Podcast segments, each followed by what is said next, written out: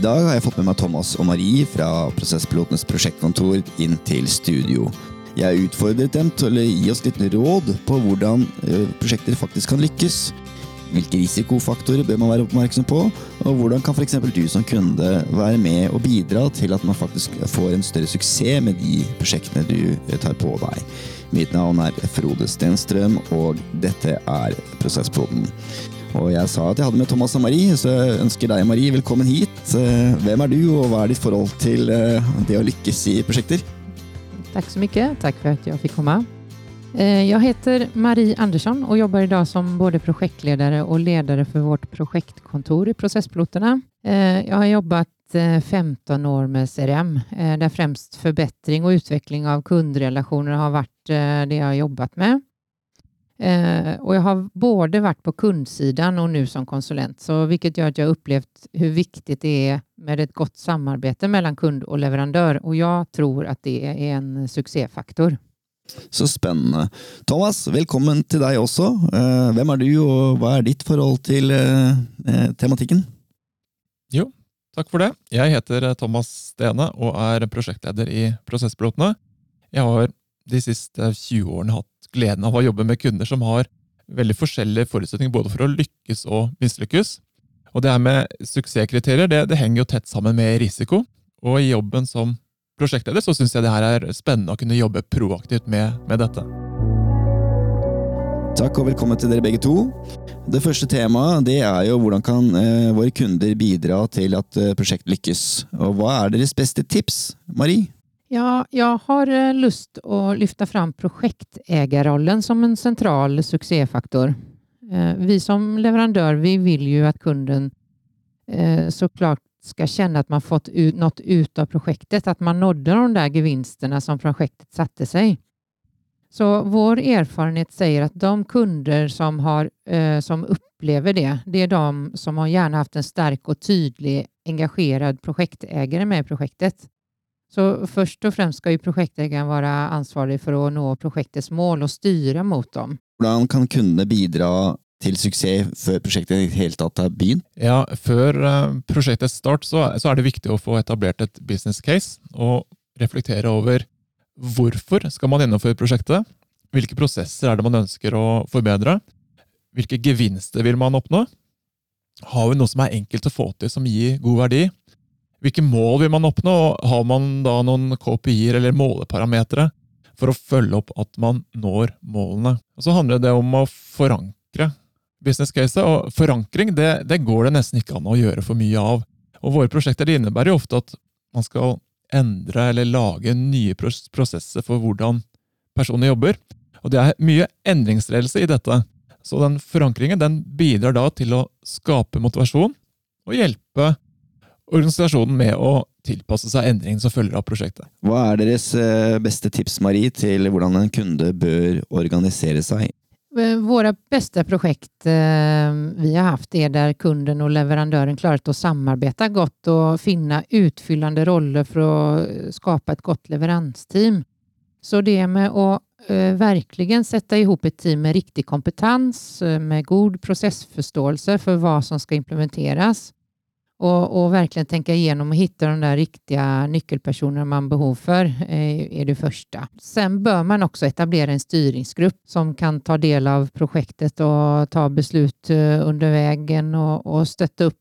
Eh, och de bør også ha rett sammansättning av folk og så kanskje man også redan före start bör fundere litt på hvilke ambassadører man har ute i, i organisationen. Hitta de der individerna som brinner litt extra for det som projektet skal oppnå. Eh, for å få dem med på, eh, på resan då, och få dem med til å bidra. Så det å skapa en vi-kultur med litt høyd under taket der man kan liksom ta gode diskussioner og dela informasjon og jobbe effektivt ihop Eh, der man både som kund og leverandør til slutt kan være stolt av sitt sluttprodukt. Det har vi tro på. det.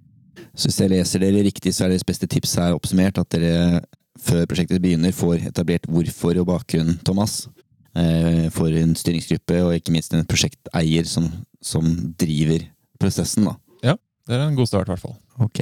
Hvis vi går videre til overgangen fra prosjektets start, at det er blitt vedtatt og styringsgruppen har sagt go, til at vi har en gjennomføringsfase. Marie, hva mener du er gode tips for å kunne få en god oppstart på prosjektet? Ja, vi, eh, vi starter jo gjerne våre prosjekt med en kickoff. Og kickoffen er en formell markering av at prosjektet er i igång. Eh, veldig effektiv metod for å eh, få oppstart av et prosjekt og for å føre alla individer tillsammans som ska jobba ihop. Eh, så det vi ser att när vi kör kickoff på våra projekt eh, så är det mest effektivt och, och bäst att kunden själv presentera projektet och bakgrunden till projektet och framförallt varför det ska genomföras. Eh, det är viktigt att säkra att alla förstår bakgrunden med nuvarande utmaningar och det är större bilden vad man vill uppnå och det är målen igen då. Och det här gör absolut bäst av kunden själv och gärna då projektägaren till projektet. Kan jeg, kan jeg legge til en sak om kickoffen? Eh, For å sørge for at alle tar eierskap til det å samarbeide godt, så lar vi ofte prosjektgruppen selv reflektere og etablere prinsipper for godt samarbeid. og Det, det er i hvert fall et, et tips som vi kan anbefale for å gi, gi prosjektet en, en god start. Hvis jeg har lov til å supplere med en av mine egne erfaringer, så er det sånn at eh, alle bedrifter og kultur har jo forskjellige måter man samhandler på, og hvordan man kommuniserer. Noen har jo veldig mye styring via mail, noen bruker Teams, noen eh, bruker Post-It-lapper. At man i den dialogen har blitt snakket sammen om hvordan man skal samarbeide. Eh, vi nordmenn syns jeg ofte hopper over det der ja, men skal vi ikke bare begynne å jobbe? Og så glemmer vi at det er vi glemmer at det er mennesker som skal lære hverandre å kjenne. da. Ja, ofte så blir det nedprioritert, rett og slett. Ja. Og jeg har sett prosjekter hvor man har brukt nesten en måned bare på den første fasen.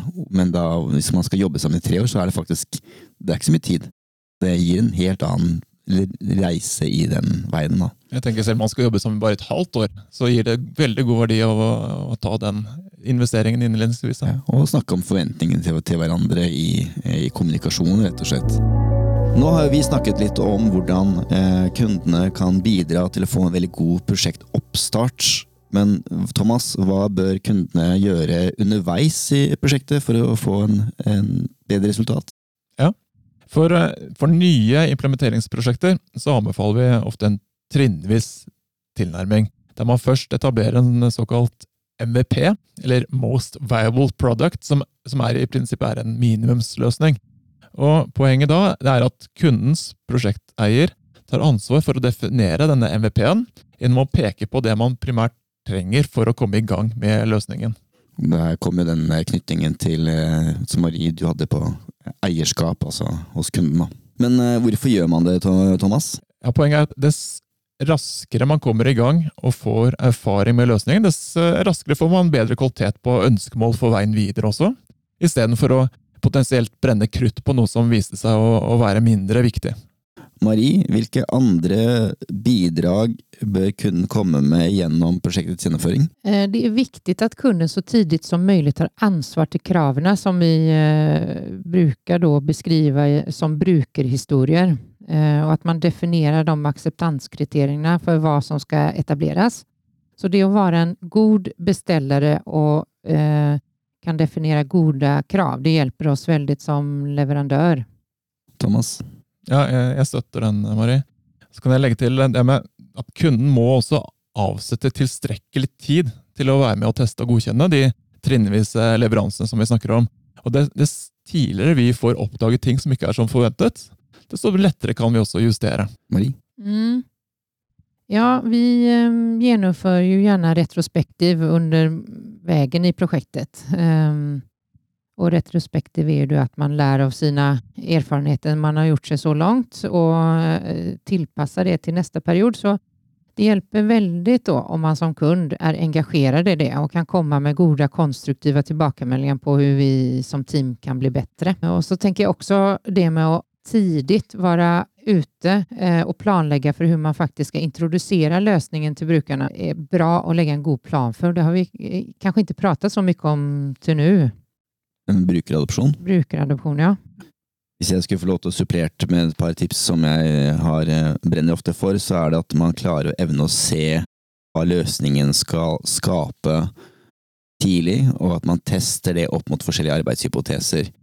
Hvis man vet at man skal ha en løsning som både skal understøtte en salgsprosess, men kanskje også skal brukes til innsikt og analyse, det skal kanskje gi muligheten for en e-handelsportal, så er jeg veldig opptatt av at man ikke bare ser på det ene, men tester det man skal lage mot forskjellige bruksscenarioer før man faktisk lager det. Så ikke man må lage det om igjen, da. For vi får ofte litt skylapper på, og så det å glemme tror man at det å teste det koster mye tid, men det, endring sent er jo alltid dyrere enn endringer tidlig.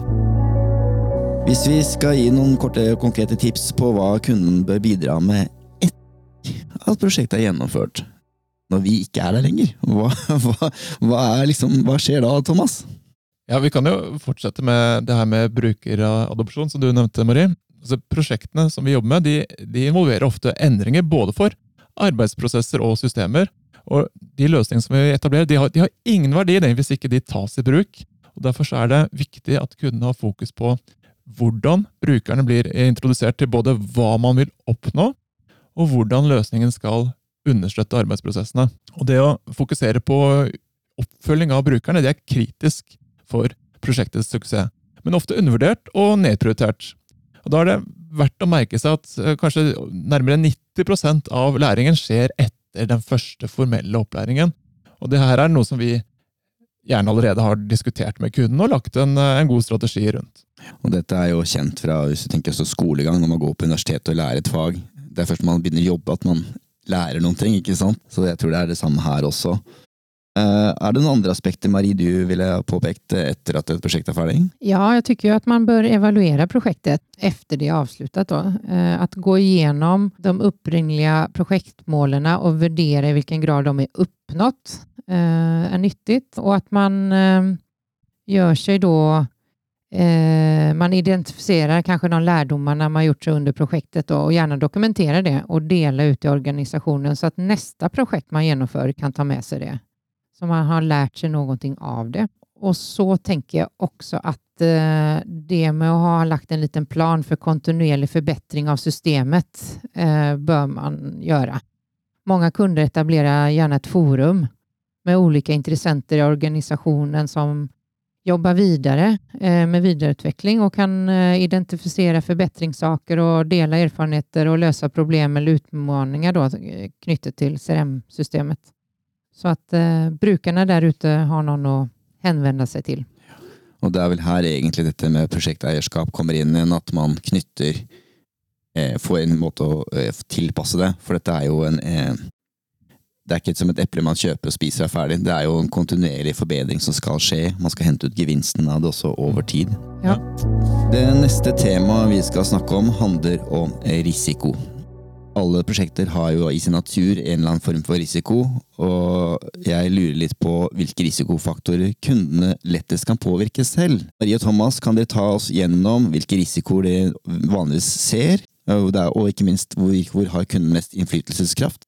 Ja, jeg kan jo starte. Som prosjektleder så diskuterer vi jo med kunden hvordan de selv kan redusere risiko i prosjektet. Og hvis vi skal peke på noen av de vanligste risikoene der kunden har stor påvirkningskraft, så øverst på lista mi så har jeg det her med risikoen for uklare målsetninger. Og det er overraskende hvor mange prosjekter der man ikke tydelig definerer hva man ønsker å oppnå med prosjektet.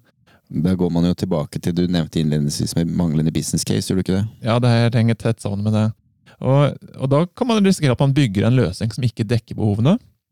I beste fall så får man da en merkostnad ved å måtte justere på løsningen i etterkant. Men det kan også hende at man må starte på nytt, og uansett så forsinker det gevinsten på det man ønsker å oppnå. Hva mener du at en kunde bør bidra med her, Thomas? Jeg tror det, det er viktigste bidraget er at man eh, innledningsvis kartlegger rutiner og prosesser med fokus på hva er det som skaper verdi. Marie, har du en eh, sånn risikopunkt du er opptatt av? Ja, jeg tenker manglende forankring i ledelsen. Om ledelsen ikke involverer seg godt nok i prosjektet, så er det en risiko for å nå målsettingene eller de gevinstene man ønsker å oppnå. Så i, i värsta fall eh, så kan ju en konsekvens være at systemet ikke blir tatt i bruk av brukerne. Hva mener du at en kunde bør gjøre for å unngå det? det bästa man kan göra är att etablera en styrningsgrupp och låta dem eh, följa projektet och vara med och styra eh, under projektets gång. Hvem burde ha sittet i den gruppen? Personer som har relevant erfarenhet og de som er i organisationen som kan være med og bidra for å oppnå de målen. Riktig. Thomas, har du en uh, tredje risiko? Ja da, her er det, det er masse risikoer å ta, men jeg, jeg kan jo ta det med å, å, å gape over for mye, som vi også har vært litt inne på tidligere. Det her er en klassiker der kundene ved prosjektstart er for ambisiøse på, på hva man vil inkludere i scopet, og hvor mye man tror man rekker innenfor et, et vagt tidsrom. Hva blir konsekvensen av det, Thomas? Ja, det kan jo da være at man, man bommer på tid, kost, kvalitetsmål, de klassiske tingene, men ofte i kombinasjon med at kanskje noen blir overarbeida, kanskje noen blir sykemeldt eller finner alternativt arbeide. Og hva mener du at kunden bør gjøre for å unngå å gape over for mye? Da tenker jeg det her med å velge trinnvis tilnærming er viktig, og prioritere hardt hva man ønsker å få til. Legge nice to have-saker i i backloggen for, for neste runde. Marie, du har helt sikkert en ting du også, som vi ikke har snakket om. Ja.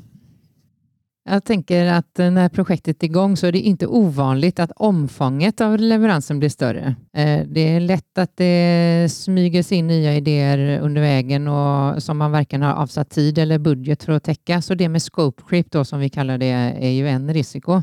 Så det betyder ju att när omfånget eller leveransen har blivit större än det som då från början var intentionerna och avtalen så blir det en konsekvens eh, på eh, det, kom, det kommer å ha innvirkning på både tid og kost. Men hva mener du at eh, kunden bør gjøre for å unngå at eh, prosjektet blir større enn opprinnelig tiltenkt? Nå har vi pratet om projektledarrollen innan og nevnt det flere ganger, men her tenker jeg igjen da då eh, den rollen bør aktivt være inne og styre og prioritere det som eh, av nye saker som kommer. Kanskje man måste, når noe kommer inn, kanskje noe annet måtte tas ut. Då. Ja, der, Hvis vi skal oppsummere det dere sa, så hørte jeg dere da snakket om uklare målsetninger. Eh, at det er for lite forankring, gap over for mye, og at da man bare øker underveis, da, som de fire viktigste risikopunktene dere tar frem. Og som Thomas sa, det er helt sikkert flere. Men hvis vi skal runde av der, så vil jeg gjerne liksom ha sånn, noen tips fra dere som gjør at eh, de som lytter på det, kanskje kan tenke på at eh, ja, men hvis de gjør sånn, så får de et bedre og mer vellykket prosjekt. Marie, hva skulle det vært?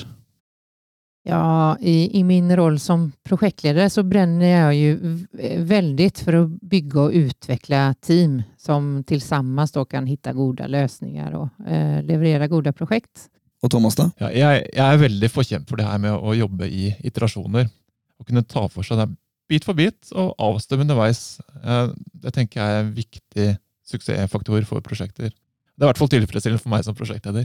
Tusen takk til dere begge to for mange konstruktive tips eh, til våre kunder. Denne podkasten har vært produsert av Prosesspilotene. Prosesspilotene øker verdien av dine kunder med bruk av Microsoft-teknologi. Denne podkasten er å finne overalt der dere hører på podkast, samt nettstedet radioprosesspilotene.no. Vi minner om at dere kan også oss, eh, følge oss på YouTube, på vår YouTube-kanal. Eh, Søk etter Prosesspilotene der. Ansvarlig for denne podkasten er meg, Frode Stenstrøm. Vi vil gjerne høre fra deg, både tilbakemeldinger og, og bli med på et intervju i fremtiden. Så kontakt meg gjerne på LinkedIn med ønske om bedre arbeidsprosesser for alle, og gjenhør.